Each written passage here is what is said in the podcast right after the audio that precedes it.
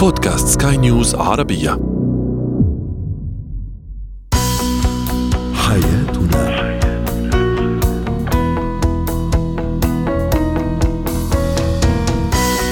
أهلا بكم مستمعينا الكرام إلى برنامج حياتنا برنامجكم اليومي الذي يعنى بشؤون الأسرة وباقي الشؤون الحياتية الأخرى والذي يمكنكم الاستماع إليه عبر منصة البودكاست لسكاي نيوز عربية. معي أنا طيبة حميد. نتحدث اليوم عن تنظيم الأمور المالية بين الشريكين وفي زينة الحياة الحديث عن هوس المشاهير لدى المراهقين ونسلط الضوء أيضا على اتيكيت النقاش.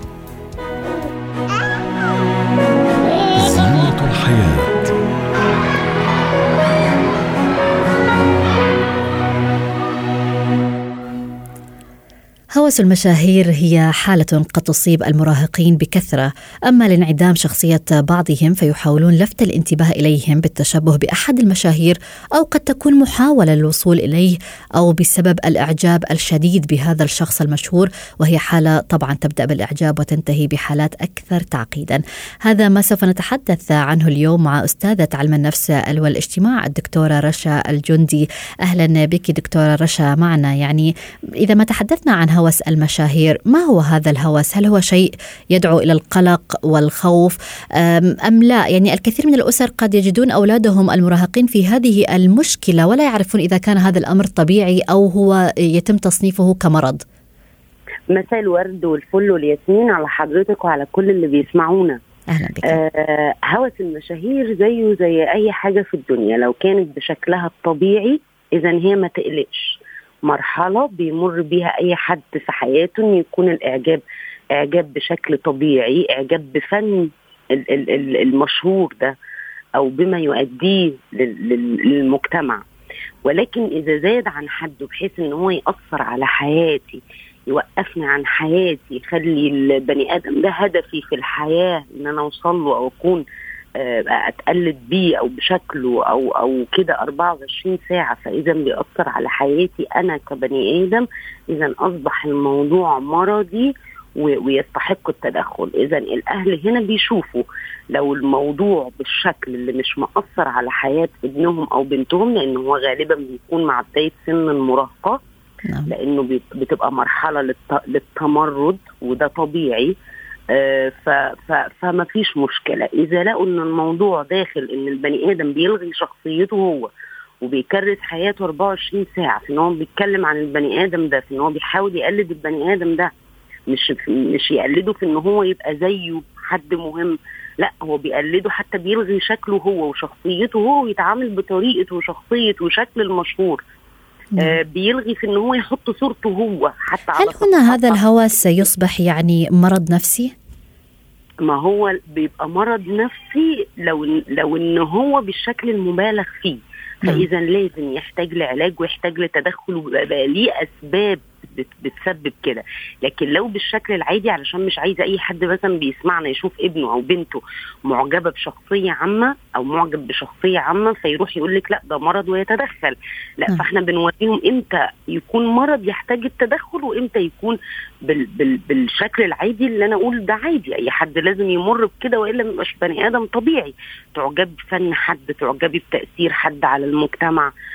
ده طبيعي لكن هيأثر على حياتي أنا الخاصه ده اللي مش طبيعي ولازم إن أنا أتدخل وأتعامل فيه يعني. هل هو شيء عابر يعني هذا الهوس بالمشاهير دكتورة رشا أو ممكن أن يستمر لفترة طويلة؟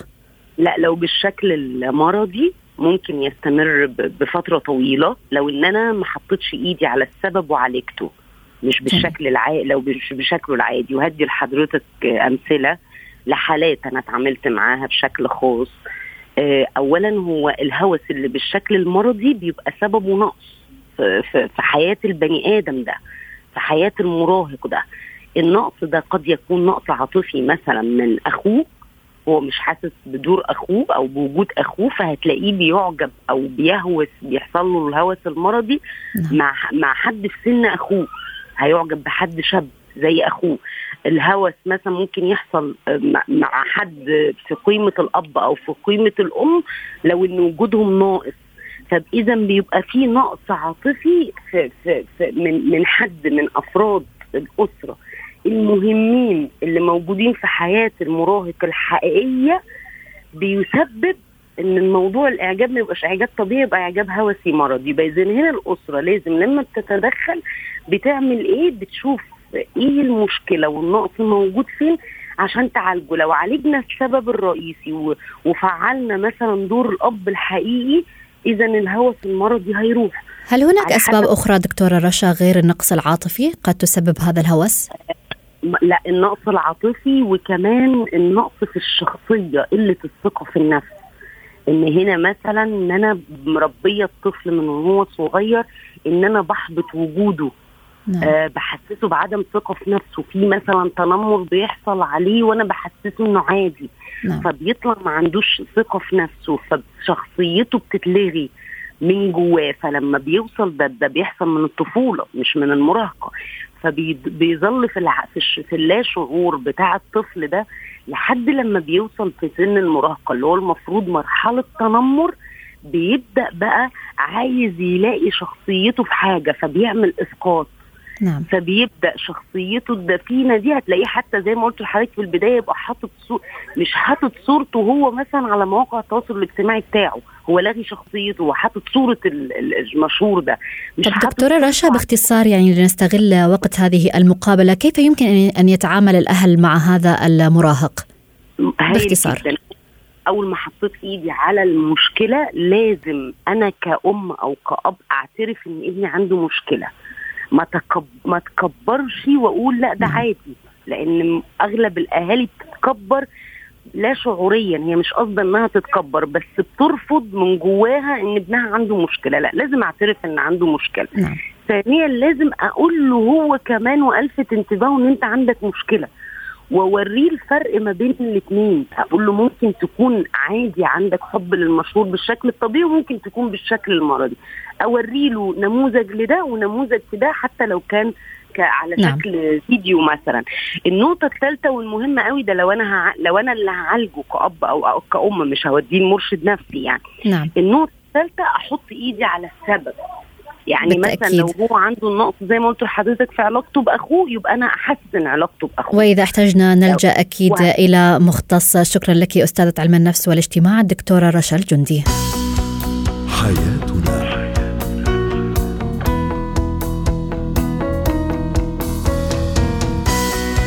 من جديد. أرحب بكم مستمعينا الكرام. أنتم تستمعون لبرنامج حياتنا برنامجكم اليومي الذي يعنى بشؤون الأسرة وباقي الشؤون الحياتية الأخرى والذي يمكنكم الاستماع إليه عبر منصة البودكاست لسكاي نيوز عربية. معي أنا طيبة حميد.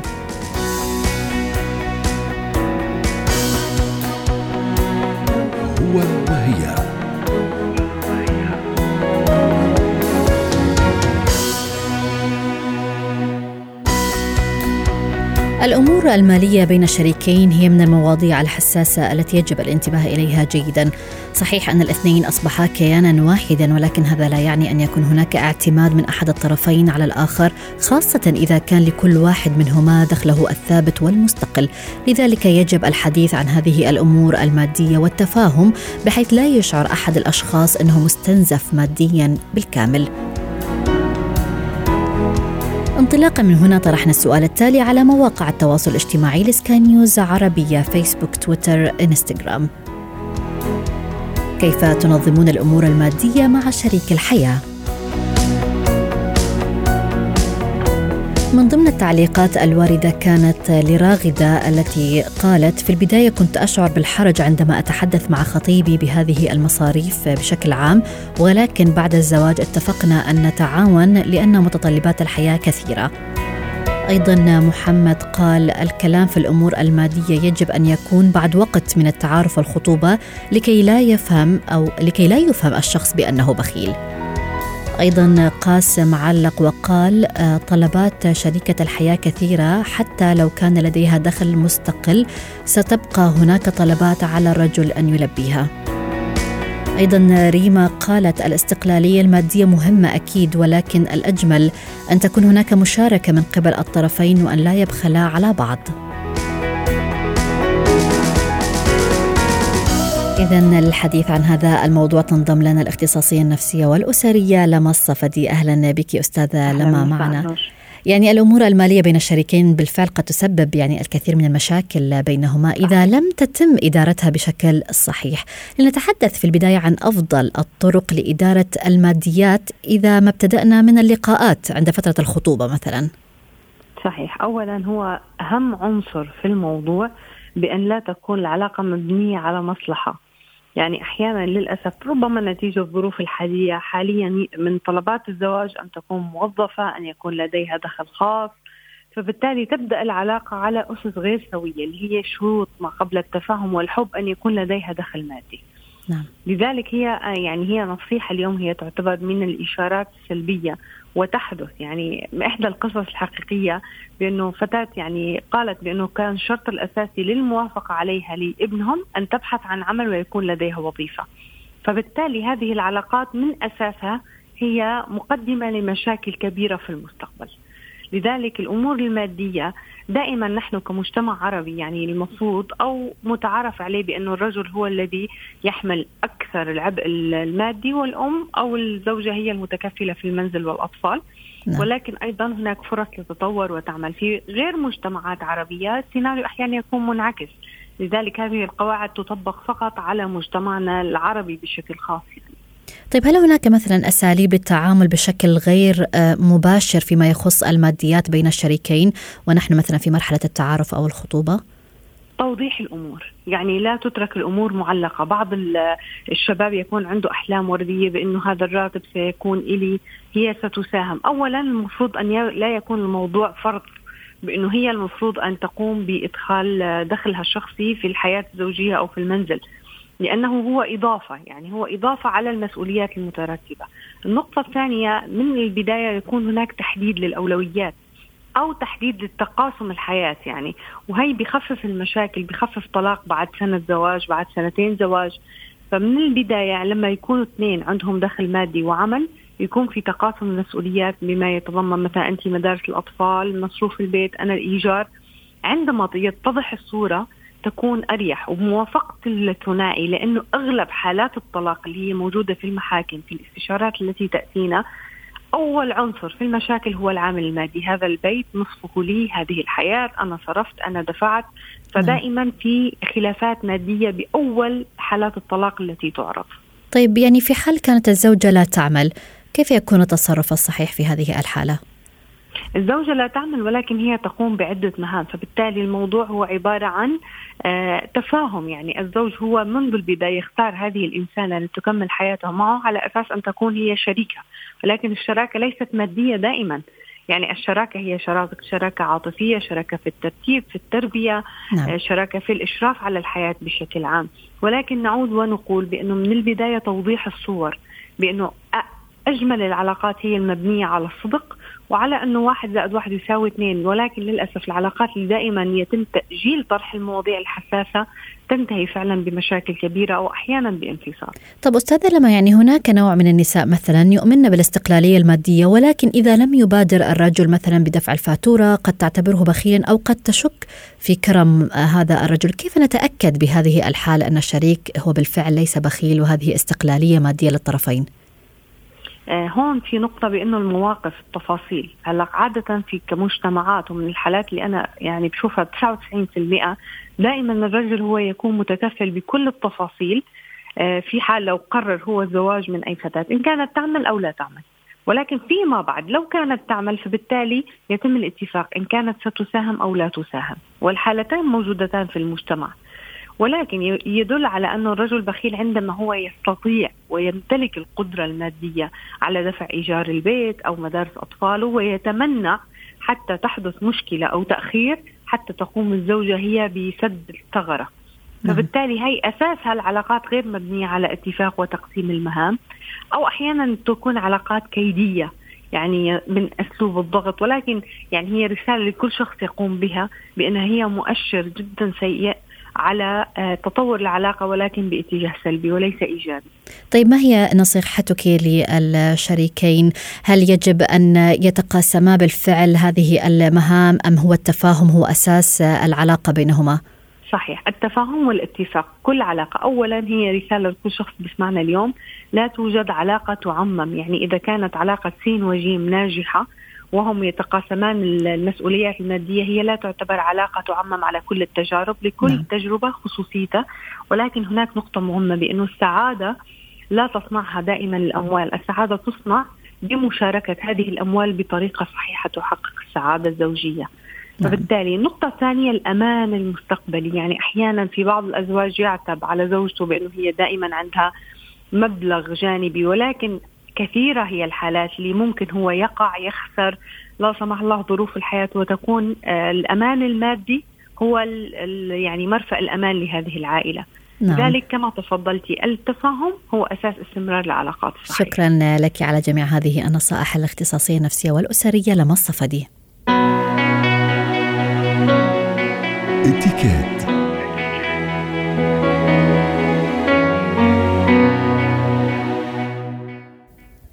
كثيرا ما تنشأ الخلافات أثناء النقاشات آه، نتيجة اختلاف وجهات النظر خصوصا عندما يكون النقاش في وسط جماعي مع العديد من الأشخاص أو حتى بين شخصين ففي بعض الأحيان قد يحتد هذا النقاش ويغضب أحد الطرفين أو يترك الطاولة بطريقة غير لائقة وينسحب وغيرها أيضا من المواقف التي قد لا تتفق معها قواعد الإتيكيت. فكيف تكون أصول النقاش والتحاور؟ هذا ما سوف نتحدث به مع خبيرة الإتيكيت سلوى عفيفي.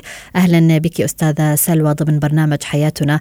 يعني بالتأكيد الحياة تعتمد على التواصل الاجتماعي تبادل الأحاديث مع الآخرين ويجب أن يكون هذا التواصل مقترن بقواعد اللباقة والإتيكيت. دعينا نتحدث عن أبرز قواعد النقاش وإتيكيت الكلام. يسعد مساكي أستاذة طيبة. آه طبعا آه، لا شك إنه الكلام قبل أن يخرج من الفم هو آه انعكاس لأفكاري ومعتقداتي ومفاهيمي وإدراكي المخزون العقلي. وكل عقل بشري له برنامج محرك يعني زي ما بنقول نظام تشغيل. هذا ما نسميه بكلمة الأتيتيود بالإنجليزية وترجمتها هو معناها نظرتي إلى الأمور وطريقة تفكيري. هو ليس سلوك. السلوك هو الكلام النابع الذي يعني يظهر أمام الآخرين. نعم. فهنا من خلال كلام الشخص نستطيع أن يعني ندرك نوع من آه، أو سمات الشخصية له. لابد أساسا في أي نقاش أو أي حوار أو أي تواصل أن نتعلم فن الاستماع والإنصات قبل أن نتقن الكلام حتى. فحتى الطفل الصغير هو يسمع قبل أن يتقن الكلام. فهذه من الأشياء آه، التي يمكن نقع فيها جميعنا. كل واحد يحب يتكلم أكثر كل واحد يحب يعبر عن نفسه. ولكن أنا أنا أعرف ماذا سأقول الآن لأنه الكلام طالع من عقلي. نعم. ولكن لا أعرف ماذا ستقولين. لأنه هنا نقول دائما استمع لكي تتعلم أو تعلم أن تستمع. جميل فيعني خليني أستمع منك ماذا لديك أيضا أيضا أود أن أسألك أستاذة سلوى يعني هل يجب أن لا نتطرق إلى مواضيع شخصية أثناء النقاش والحوار؟ آه هذه نقطة هامة جدا. هنا متى أسمح لنفسي أن أسألك أسئلة شخصية؟ إذا كنت أنا صلتي بك يعني وطيدة جدا وعميقة جدا ومع ذلك أيضا يعني لابد أن أتحسس قبل أن أسأل. ممكن أن أنا أبادر بأنه أنا أحكي لك عن شيء شخصي مثلا فربما هذا يشجعك أن يعني تحكي لي أنت كمان عن شيء مثلا شخصي أو هذا. ولكن ليس من الأصول أبدا أن نسأل أسئلة شخصية مباشرة خاصة إن لم يكن لنا يعني تجربة سابقة حتى مع أقرب المقربين هناك أسئلة لا يمكن أن تسأل، يعني لا يمكن أتخيل نفسي إن أسأل أخويا مثلا كم راتبك؟ لا يمكن أسأل هذا السؤال، فلا يمكن أسأل م. شخص مثلا أنت ليش ما تزوجت إلى الآن؟ أنت ليش ما عندك أولاد؟ يعني في أشياء لا يمكن نحن نتطرق ليست من أصول الاتيكيت طبعا ليس من أصول الاتيكيت أيضا نقطة أخرى أستاذة سلوى أود أن أطرحها عليك. البعض عند الحديث والنقاش لا يذكر اسم الشخص ويكتفي بقول أنت. هل هذا صحيح؟ آه. لا طبعا. حلو إنه من وقت للتاني زي ما أنا ذكرت اسمك في البداية مثلا وحضرتك ذكرتي اسمي. بالعكس هذه ما نسميها في الإنجليزية أيضا personalization يعني تشخيص أو تحديد الشخص الفلاني. وهنا أيضا لننتبه إنه لو كان مجموعة من الأشخاص لا لا أوجه الكلام لشخص واحد بعينه وتجاهل الآخرين إنما هي م. نقطة حلوة جدا منها إنه أنا ألفت يعني نظر أو انتباه الشخص المستمع إلي أكثر لأنه أكثر اسم محبب إلى قلوبنا هو اسمي أو أحلى كلمة يعني نعم.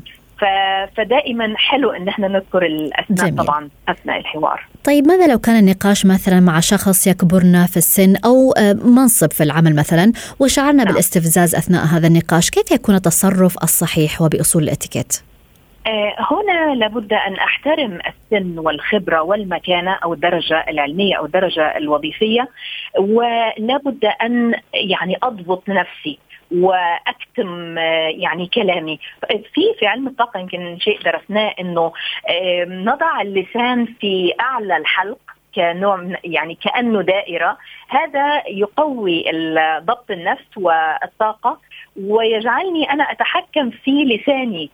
أيضا ممكن البادي لانجوج ولغة الجسد أن أرتد بجسمي بجسدي إلى الخلف نوعا ما. جميل. لا أكون هجومية لأنه ليس من حقي على فكرة. هو بمكانته أو بسلطته ممكن أن يضعني في موقف محرج إذا أنا رديت عليه. وفي نفس الوقت لا مانع ابدا من أن أتعقل كلامه. يعني ممكن يكون في كلامه في شيء من الصحة. ليس بالضرورة إنه أنا وجهات نظري هي الصح لأنه كلنا مختلفين استاذه طيبة. كلنا مختلفين. ولا يمكن إني أنا أفرض عليك معتقداتي أو أو مفاهيمي لأنه كل واحد فينا تربى وكون شخصيته بطريقة معينة نتيجة لظروف حياتية بيئية تجارب شخصية. أكيد صحيح. فنحن مختلفين. طيب يعني كيف يمكن أيضا أستاذة سلوى لنستفيد من هذه المقابلة أن نقاطع حديث شخص وبذوق وأصول؟ آه هنا ممكن يعني أنا أبدي نوع من يعني أثناء ما تتكلمين أنا ممكن أنا يعني يكون في إيماء لو إحنا وجها لوجه ممكن يكون في صوت بسيط وممكن في حركة نعملها باليد مثلا إنه في مقاطعة معينة ولكن إذا لا مانع من إني أستمع اليك حتى تكملي جملتك بس هنا في ناس للأسف تنسى نفسها أحيانا تتكلم بإسهاب شديد وتأخذ كل الجلسة لا يعطونا فرصة. فلا مانع هنا من أن أستأذن. اسمحي لي آه، يعني أرد على الكلام أو اسمحي لي إن أنا آه، مثلا أعمل مداخلة أو أقول رايي نعم. أو كذا. وعلى الطرف الآخر أيضا أن يستمع. لابد أن تكون الحوار ايكوال يعني متساوي بين الطرفين. بالتأكيد. شكرا لك على جميع هذه المعلومات. خبيرة الإتيكيت سلوى عفيفي. حياتنا